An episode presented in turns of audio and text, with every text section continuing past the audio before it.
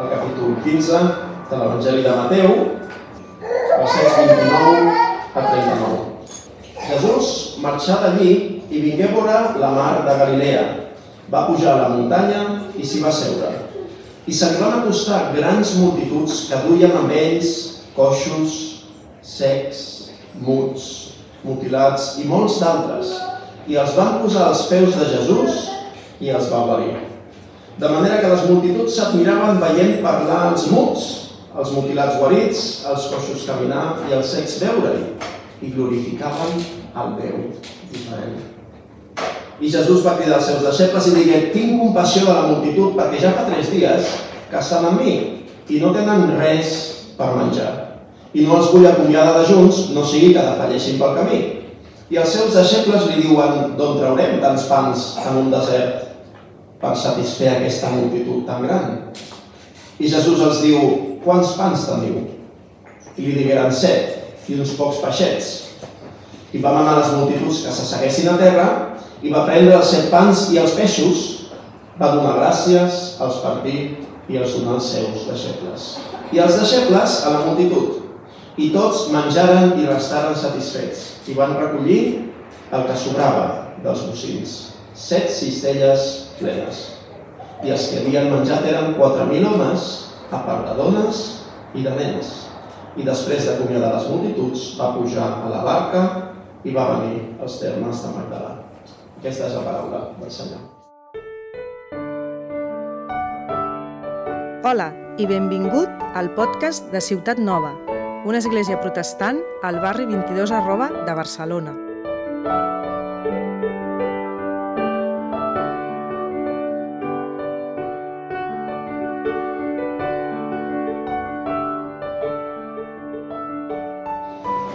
Continuem caminant amb Jesús en aquest eh, moment del seu ministeri.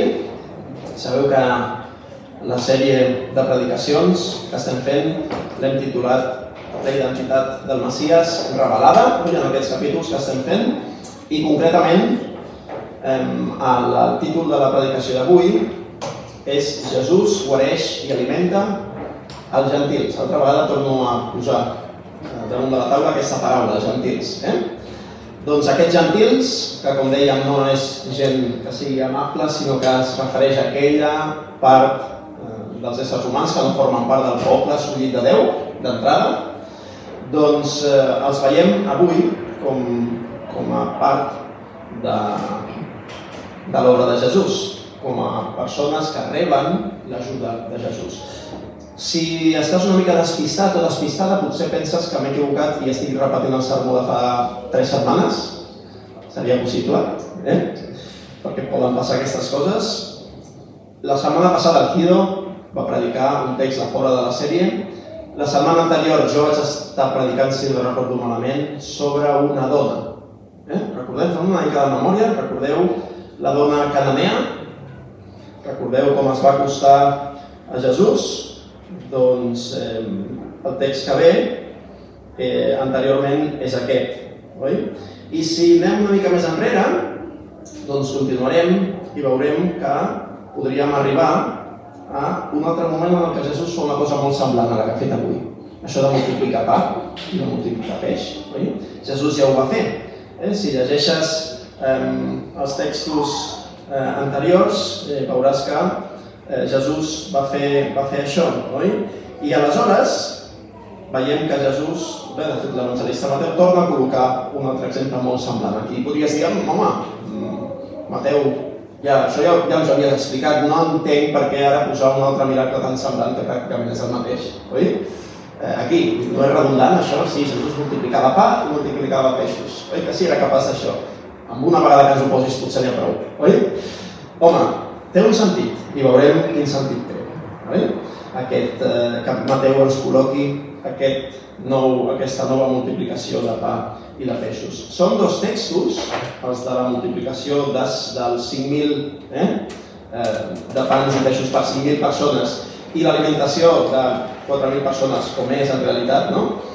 Són textos que s'assemblen molt però que són diferents i que té un sentit, que estiguin tan a prop l'un de l'altre. I anirem veient eh, per què. Oi?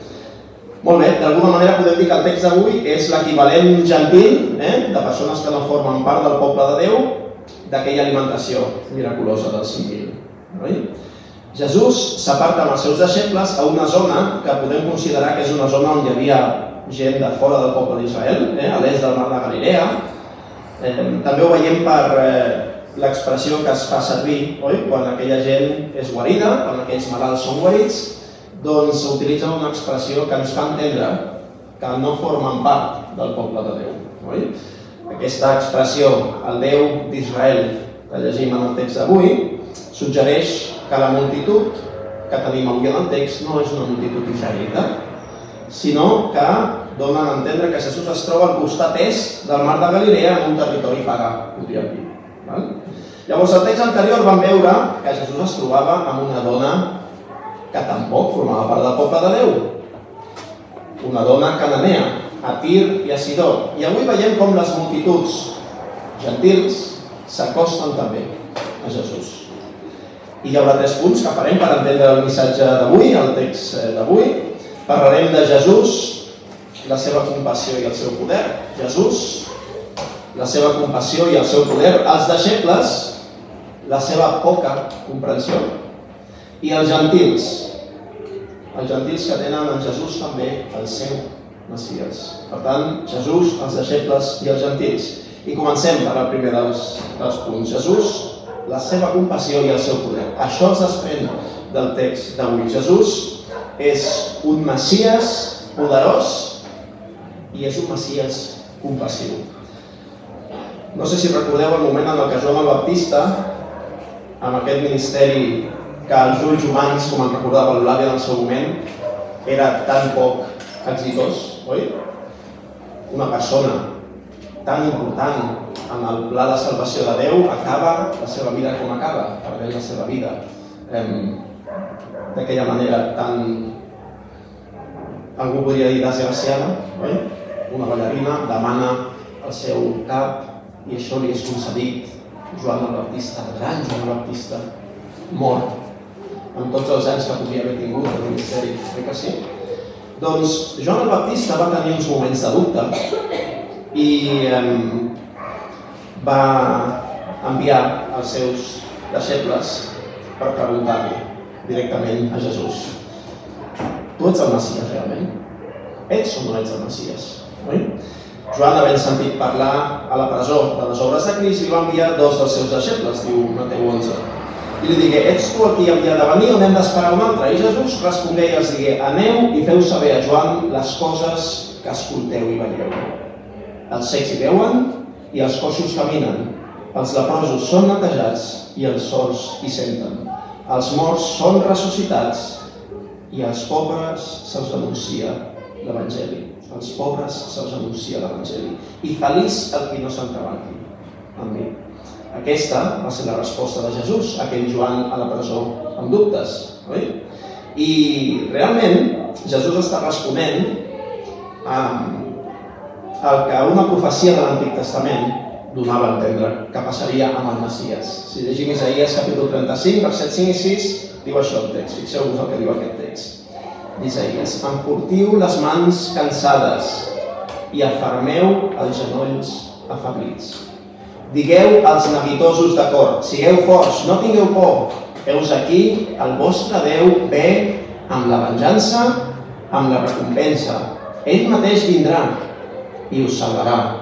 Llavors, fixa't, seran oberts els ulls dels secs i les orelles dels sords seran destapades. I llavors el coix saltarà com un cervatell i la llengua del món cantarà, perquè les aigües han esclatat al desert i torrents a l'estepa. Aquesta és una profecia messiànica. I Jesús, en aquest text que tenim avui, està complint amb aquesta profecia. Jesús és el Messies esperat. En Jesús hi trobem algú poderós, capaç de guarir condicions que no es podien guarir en aquell moment i que fins i tot amb la medicina que avui tenim al segle XXI tampoc poden ser guarides.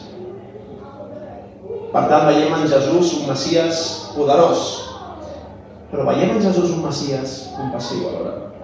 El seu poder és el que demostra la seva divinitat, la seva identitat com a Messias, però la compassió que mou a Jesús per fer bé a aquelles persones mostra com és el cor de Déu. El poder de Jesús demostra que ell és el Messias. La seva compassió ens mostra com és el cor del Déu de la Bíblia. La compassió és el motor que fa que Jesús guareixi a aquelles persones. Com explicaries què és la compassió? Podríem dir que la compassió és un sentiment, una, no sé si emoció, eh? aquí ja entraríem en debats, no? La compassió és un sentiment, podríem dir, és una connexió emocional, podríem dir que és una connexió emocional, oi? Amb aquells que estan patint. Quan tu veus una persona que està malament, que està passant malament, que té dificultats, pots tenir dues respostes. Una és desaparèixer, anar com vulguis, no voler-te implicar oi? en la vida dels altres, no voler ficar-te en lius i en problemes, per portar, mm, això bueno, pot portar la feina, potser. O l'altra opció, la solució de Jesús, és identificar-te amb aquella persona, connectar emocionalment amb el patiment d'aquella persona, posar-te en el seu lloc, posar-te a la seva pell. Això és la compassió, oi? Dir com estaria jo, jo en el lloc d'aquesta persona. Doncs la compassió de Jesús el porta a l'acció, a una acció extraordinària, miraculosa, que només el Messias de Déu pot dur a terme, no? I això ens ha de fer pensar com a Església, també. Perquè veiem que Jesús fa un miracle i nosaltres com a Església tenim un missatge a transmetre. És un missatge espiritual, però i les necessitats físiques? Oi? Perquè de vegades a l'Església podem caure en dos errors que les esglésies han caigut al llarg de la història. Un és el donar massa importància, enteneu aquest massa, eh? donar una importància desmesurada o desequilibrada a les qüestions espirituals i oblidar-se de les qüestions físiques, de les qüestions terrenals, podríem dir, oi? Aquesta, aquest, aquesta espiritualitat desequilibrada, que diu que només les necessitats espirituals són importants i que el físic és quelcom que ens hem de treure de sobre. No, no hem de respondre a les necessitats físiques, pràcticament. Després també hi hauria l'altra opció, també equivocada, que és donar un èmfasi a les coses físiques tan desmesurat que ens oblidem de les necessitats espirituals de les persones. I veiem que Jesús, al llarg del seu ministeri, combina aquestes dues necessitats. I avui veiem com per Déu, com per Jesús, les necessitats físiques i materials de les persones són importants. I l'Església necessita aprendre aquesta lliçó. També nosaltres, avui aquí necessitem aprendre aquesta lliçó. Jesús dona importància a la salut i dona importància a l'alimentació. Oi?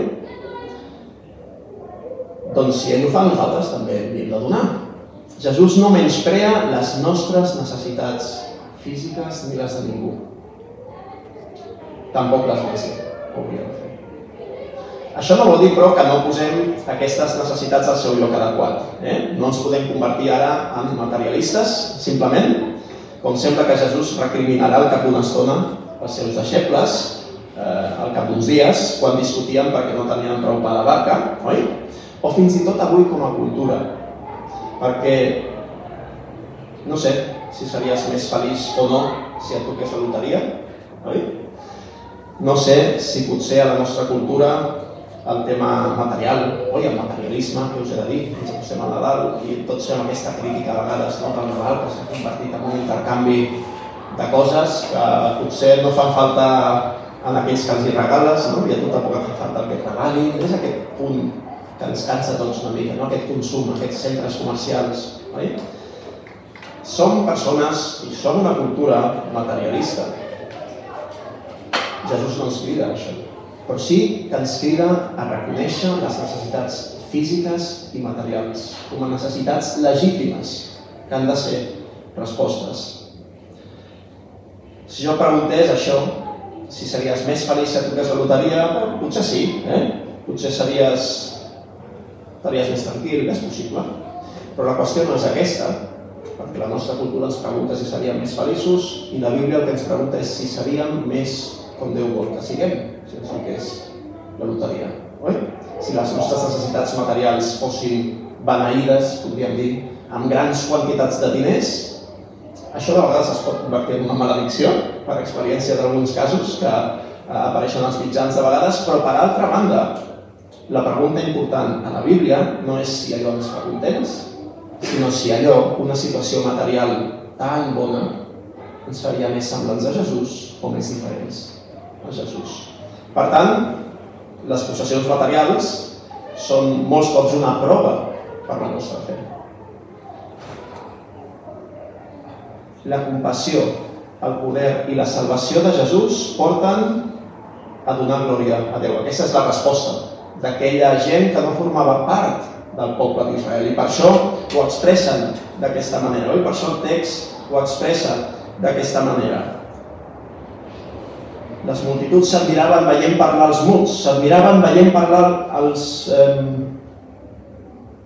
parlar els muts, els mutilats guarits, els coixos caminar i els secs veure-hi, i glorificaven el Déu d'Israel.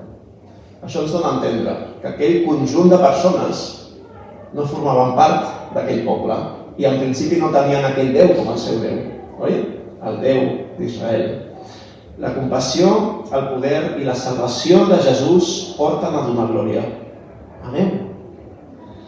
De qui és el mèrit? És la pregunta de la glòria de Déu, oi? Quan parlem de glòria potser ens sembla una paraula molt religiosa que ningú fa servir al llarg de la setmana, però quan parlem de la glòria de Déu ens ha de venir al cap, d'alguna manera, el valor de Déu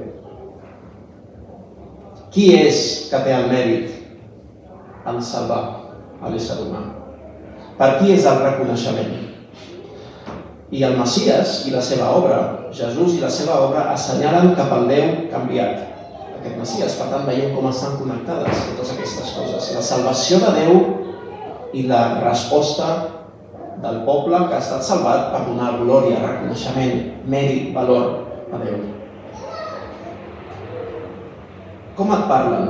Què et diuen avui a tu el poder i la compassió de Crist? Doncs una resposta adequada seria que generin amb tu lluança i acció. Lluança, adoració i acció. Vius una vida de lluança a Déu mentre recordes el poder extraordinari de Crist? Això et fa portar una vida de lluança a Déu mentre recordes la compassió de Déu en Crist en un text com aquest i al llarg del seu ministeri. I aquesta compassió que veus en Crist et porta també a imitar aquesta compassió amb la gent del teu voltant. Et du a actuar quan veus necessitats al teu voltant? Aquesta és una pregunta que ens hem de fer tu i jo avui. Jesús, la seva compassió i el seu poder. Parlaven en aquell moment, van parlar de forma molt extraordinària per aquelles persones que van rebre aquelles guaricions, oi? que van ser guarides, però ens parla avui a tu i a mi també. Els deixebles, com ens parlen els deixebles avui, a tu i a mi? Hem vist a Jesús, la seva compassió, el seu poder, i quan anem als deixebles no hi ha compassió, no hi ha poder. El que hi ha és poca comprensió. Heu vist la reacció dels deixebles? La podem tornar eh? a llegir. Jesús va cridar als seus deixebles i digué tinc compassió de la multitud, perquè ja fa tres dies que estan amb mi i no tenen res per menjar. I no els vull acomiadar de, de junts, no sigui que defalleixin pel camí. I els seus deixebles li diuen, d'on traurem tants pans en un desert per satisfer aquesta multitud tan gran? I Jesús continua. Eh? En aquí, potser se t'ha passat, però hi ha una diferència important amb l'altre miracle de multiplicació de pans i de peixos. Recordes qui pren la iniciativa en aquell moment per dir-li a Jesús doncs, que alimenti aquelles persones o que faci alguna cosa amb aquelles persones o s'acosta a Jesús per dir-li escolta, aquesta gent és que se'ns desmaiaran perquè no estan bé. Oi? En l'altre moment, en l'altra multiplicació de pans, van ser els deixebles, els que prenen la iniciativa i s'acosten a Jesús i li diuen Senyor, aquesta multitud eh, està malament, estan eh, a punt de desmaiar-se, oi? Llavors Jesús actua, oi? Aquella multitud era jueva. La multitud d'avui entenem que no és jueva. Amb la multitud jueva els deixebles s'acosten a Jesús i li demanen que els ajudi. Amb la multitud gentil no diuen res. Han passat tres dies. Qui pren la iniciativa és Jesús. Jesús crida als seus deixebles i els diu, tinc compassió de la multitud i tal i tal. Oi? Per tant, els deixebles semblen no recordar amb la seva resposta, oi? quan diu d'on traurem tants pans, oi? quan acabo de multiplicar uns pans fa uns quants, fa uns dies, no? Però sembla ser això, els deixebles que no acaben de recordar o d'entendre bé l'alimentació dels 5.000 que els precedia, oi? I realment aquesta pregunta per Jesús hauria sonar com decepcionant, com frustrant, oi? Com quan estàs amb un alumne que penses, això ja ho han entès, eh? i vas avançant, i vas avançant, i hi un punt que dius, tornes cap allà on et pensaves que ja no hauries de tornar. Torna cap enrere. Oi?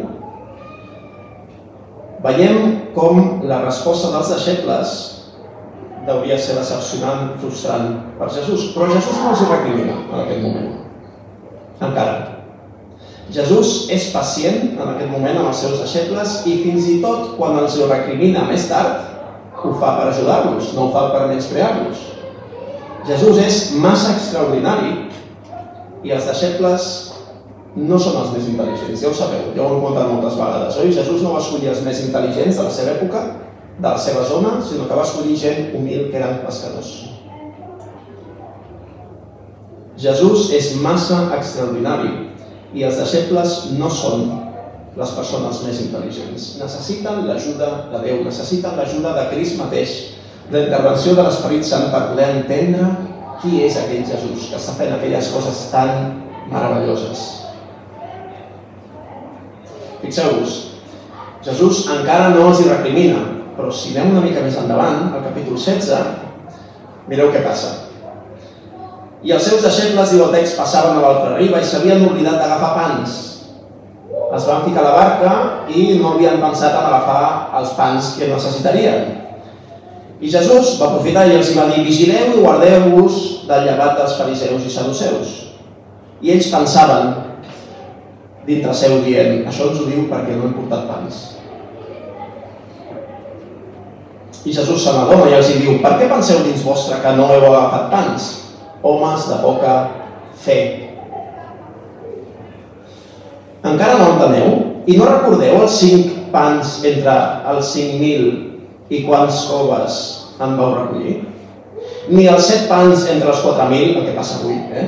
I quantes cistelles en vau recollir? Com és que no enteneu que no us he parlat de pa, sinó de guardar-vos el llevat dels fariseus i saduceus?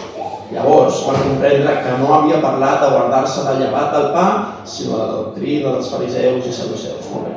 Els deixebles no queden bé. Eh? Els evangelis, moltes vegades, els deixebles no queden bé. Els evangelis. A l'alimentació dels 5.000, els propis deixebles demanen a Jesús que alimenti a les persones, però en el text d'avui els deixebles estan en silenci i qui pren la iniciativa és Jesús. És possible que els deixebles no diguessin res perquè aquell grup era gentil? Potser el Masies va fer una excepció amb aquella dona tan pesada, oi? Que no formava part del poble escollit de Déu, però no farà servir el seu poder amb aquesta multitud de gentils.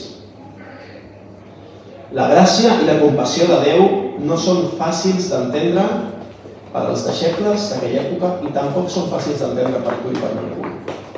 La gràcia i la compassió de Déu no són fàcils d'entendre per nosaltres avui. I si són fàcils d'entendre per tu avui, t'hauries de fer mirar una mica, potser. Només cal que vagis a la paraula del fill pròdig, oi?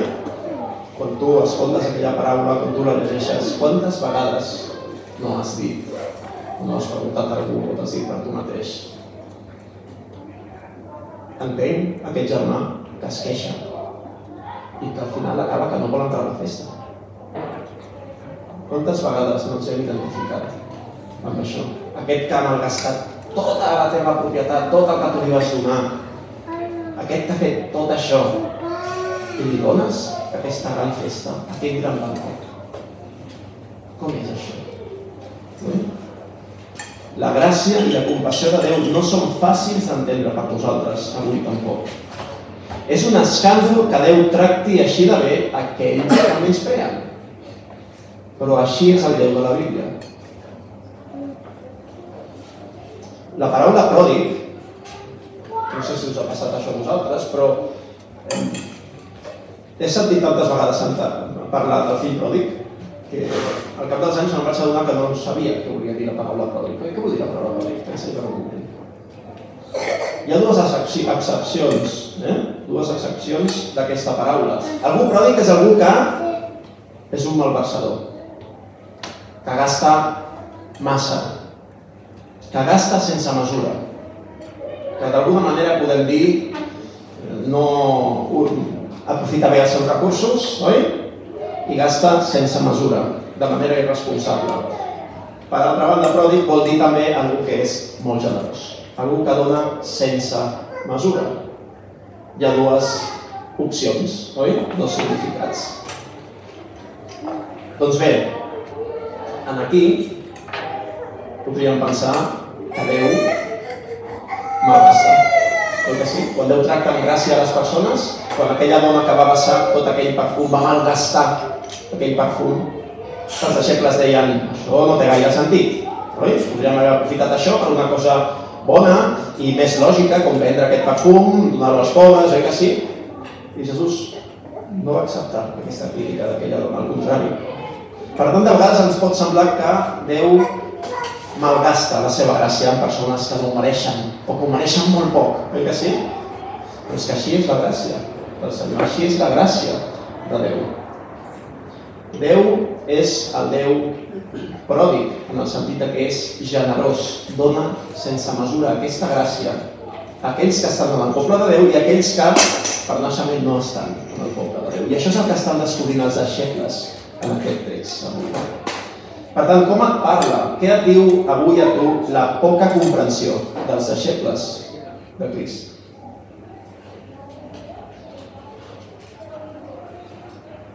No sé el que estàs pensant, però a mi el que em diu és sigues humil perquè els deixebles sí que et representen.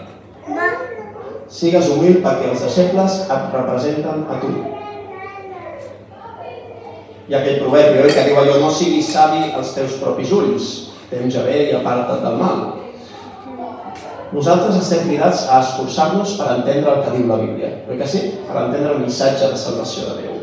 Per tant, també et diria, a la llum d'aquest text, esforça't en la lectura i estudi de les Escriptures, perquè la gràcia de Déu ja és present des de ben al començament. Però alhora recorda que per entendre el missatge bíblic necessites l'ajuda de Déu. Per què preguem abans de predicar? Per què preguem abans de fer la lectura del text bíblic? Perquè depenem de que Déu ens obri els ulls per poder entendre la seva paraula. Les veritats importants no les acceptem i les fem nostres de manera senzilla. Som com aquells deixebles. Per tant, és bo que quan ens acostem a Déu i ens acostem a la seva paraula, ho fem no confiant només en el nostre esforç, amb els màsters que tenim, amb el seminari en el que hem estudiat, sinó que ens acostem amb la humilitat del salmista que diu allò de obre els meus ulls i miraré els prodigis de la teva llei. Senyor, m'acosto a la teva paraula i n'hi acosto amb ganes d'esforçar-me i n'hi acosto preparat. I he llegit i he estudiat i, i... però necessites acostar-te a la veritat de Déu en pregària depens d'ell per poder entendre la seva veritat. El camí de Maús, aquelles persones que passejaven i es van trobar amb Jesús, no van veure com els seus ulls s'obrien fins al cap d'una bona estona. Diu el text, i els foren oberts els ulls i el van reconèixer. No és fins al cap d'una bona estona que els ulls se'ls obren. Per tant, tinguem en compte això. Sigues humil perquè els deixebles et representen. I per últim, hem vist eh, Jesús, la seva compassió, el seu poder, hem vist la falta de comprensió dels deixebles I per últim anem a parlar d'aquests gentils, oi? Dels que formem part nosaltres, som gentils, tu i jo som gentils. Jesús és el Messias també per als gentils. La relació de, de les dues, eh, dels dos fets miraculosos en els que Jesús multiplica pans i peixos ens donen espai per fer un joc de diferències, oi? per jugar a les diferències i a les similituds amb aquests dos textos. Són relats molt semblants, però amb unes petites diferències que realment són molt significatives. Per descartar això que algunes vegades es diu, no? que simplement Mateu doncs, es va equivocar i va barrejar dos miracles que eren el mateix, oi? No se'n vantarà i per davant doncs els va deixar aquí. Hi ha diferents detalls que ens ensenyen que això no és així.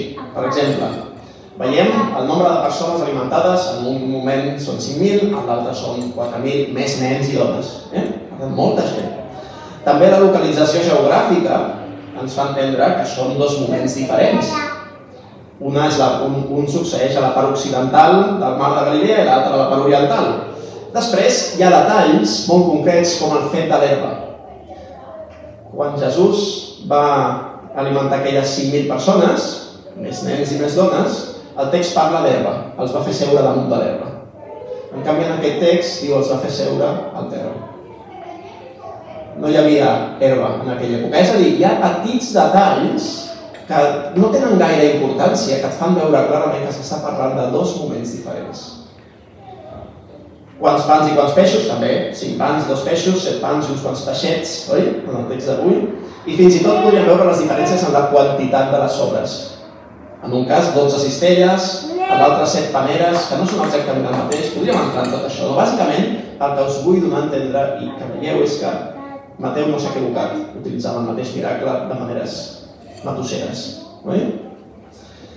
I realment, Mateu vol que aquest text sigui aquí, no perquè és algú que escriu de manera redundant, sinó perquè aquest text complementa el text anterior, el text de la multiplicació, de pans i peixos per 5.000 persones, per persones jueves. Perquè el text d'avui ens parla d'una cosa molt important, i és que els, els gentils també estan inclosos en el pla de salvació de Déu. Hi ha dos textos del Nou Testament que parlen d'això, oi? que nosaltres coneixem, però que per als deixebles eren una gran novetat. Aquesta idea no els hi entrava al cap diu Gàlates 3, 26, 29, perquè tots sou fills de Déu per la fe en Crist Jesús. Perquè tots els que vau ser batejats en Crist, de Crist us heu revestit. No hi ha ni jueu ni grec, no hi ha ni esclau ni lliure, no hi ha ni home ni dona, perquè tots vosaltres sou un en Crist Jesús. I si vosaltres sou de Crist, llavors sou llinatge d'Abraham i hereus d'acord amb la promesa. Això és una cosa que nosaltres tenim molt apresa, però per als deixebles en aquell moment això era incomprensible. No entrava dins de les seves ments. Diu Efesis també, perquè ell és la nostra pau, el qui de dos pobles n'ha fet un de sol i el qui ha enderrocat el mur de separació que hi havia entre mig. Hem cantat que som un sol poble. Eh? I si penses en la importància que té aquesta idea, doncs veuràs que té diferents aplicacions. Per exemple, amb el conflicte que hi ha avui en dia a Palestina. Oi? Quina podria ser la tendència? En el poble de Déu és Israel, estem en Israel. Oi? Anem en compte en com interpretem segons quins esdeveniments històrics i anem en compte amb com ens posicionem en els diferents conflictes que hi ha al món. La unió en Crist porta a la unió entre pobles. La unió en Crist porta a unir pobles diferents, pobles separats, pobles fins i tot enemics. Com vam dir fa uns diumenges, el poble que la gent de Canaan eren els grans enemics del poble de Déu. I Jesús va guarir la filla, va guarir la filleta d'aquella dona cananea. Això és el que Cris fa. I això és el que Cris continua fent avui. Això és el que Cris continua fent avui. De fet, l'autèntica ONU, l'autèntica Organització de Nacions Unides hauria de ser l'Església. Organització de Nacions Unides, podríem dir en Crist, oi? Aquest és el poder de l'Evangeli, aquest és el poder de l'obra de Crist. Per tant, l'Evangeli té aplicació quan hem de fer front a conflictes racials, quan hem de fer front a conflictes entre països. I com a cristians estem cridats a imitar Jesús i a viure les conseqüències d'aquest missatge que no és només per un sol poble, sinó que és per tots els pobles, per tota llengua, tribu, nació. Quan veiem que Jesús fa un banquet, oi?, per a aquestes persones, hem de pensar també en dues coses importants. La setmana passada vam tenir Sant Sopar i vam tenir un dinar comunitari. Me'n recordeu? Si us quedar. I ahir alguns de nosaltres, ja ho sabeu, no vam ser gaires, però vam anar a una botifarrada d'acció de gràcies que organitzava l'Església de Vilassar. Oi? Per què mengem? Quan, quan, per què ens agrada menjar junts? Oi? feina i a vegades acabala una mica, tanta gent, soroll i tal, però per què ens agrada menjar junts? O per què com a església fem un dinar comunitari al mes? Els nostres àpats en general i els àpats en especial entre els fills de Déu ens haurien de fer pensar més enllà. Més enllà de la botifarra que teníem ahir davant del plat, oi? O més enllà del menjar que tenim al davant. Ens haurien de fer pensar en aquest banquet del Messias, en aquest banquet messiànic que apareix al final de les Escriptures i que apareix a l'Evangeli de Mateu també, quan Jesús els hi diu als seus deixebles des d'ara no veuré més d'aquest fruit del cep, d'aquest vi, fins aquell dia quan el veuré de nou amb vosaltres en el regne del meu Pare. D'alguna manera, els seguidors de Jesús podem dir que tenim una cita amb Jesús per prendre vi, Tenim una cita amb Jesús on ell torni amb el seu regne consumat per fer un gran banquet. Aquesta idea era molt present en els jueus d'aquella època. Diu el text d'Apocalipsi 19.7 Alegrem-nos i exultem de goig, donem-li la glòria, perquè han arribat les noces de l'anyell i la seva esposa s'ha preparat escriu feliços aquells que han estat cridats al sopar de noces de Daniel. Aquestes imatges avui ens sonen una mica estranyes, oi? Una llei que es casa, no? és una mica estrany. Però realment nosaltres hem d'entendre que aquesta unió amb Crist serà celebrada d'una manera extraordinària. I d'alguna manera Jesús està anticipant aquests banquets tant en el Sant Sopar com en aquest banquet messiànic que hi haurà quan ell torni al seu regne. Jesús no està oferint a aquestes persones que són gentils les engrunes. Recordeu la dona que diu en tinc prou les engrunes? Recordeu la dona cananea? Jesús alimenta els gossets, com aquella dona que li va dir, eh? i els fills i els gossets, Jesús alimenta aquells que no formen part del poble de Déu per naixement, eh? per nacionalitat, i no els alimenta amb engrunes, els alimenta amb un gran banquet. Va dir Jesús, us dic que molts vindran de llevant i de ponent i s'asseuran a la taula amb Abraham i amb Isaac i amb Jacob amb el regne dels cels. Mentre que els fills del regne, el poble escollit de Déu, seran expulsats a la fosca de fora.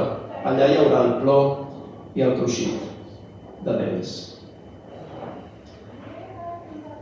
Així és com Jesús ens dona a entendre que la seva salvació arriba a tot el món. Com a creients, podem dir, hi ha un, un autor que ha escrit això, no? La comunitat cristiana és el començament i el signe, la senyal del món que ha de venir. I això és així sobretot en els nostres àpats comunitaris. Els nostres àpats són un tast del futur banquet messiànic. Els nostres àpats revelen la identitat de Jesús. Els nostres àpats són una proclamació i una demostració de les bones notícies de Déu. Com a creients, l'Església, la núvia de Crist, un dia ens reunirem per assaborir aquest sopar de noces. Ens unirem a la celebració i formarem part d'aquesta multitud que adora a la llei. Fins aleshores podem festejar aquí, podem fer festa aquí, podem fer banquet, podem fer dinars junts aquí i mantenim ferma la promesa del que ha d'arribar. Però mentre ho fem estem assenyalant Déu i donem la benvinguda a altres també.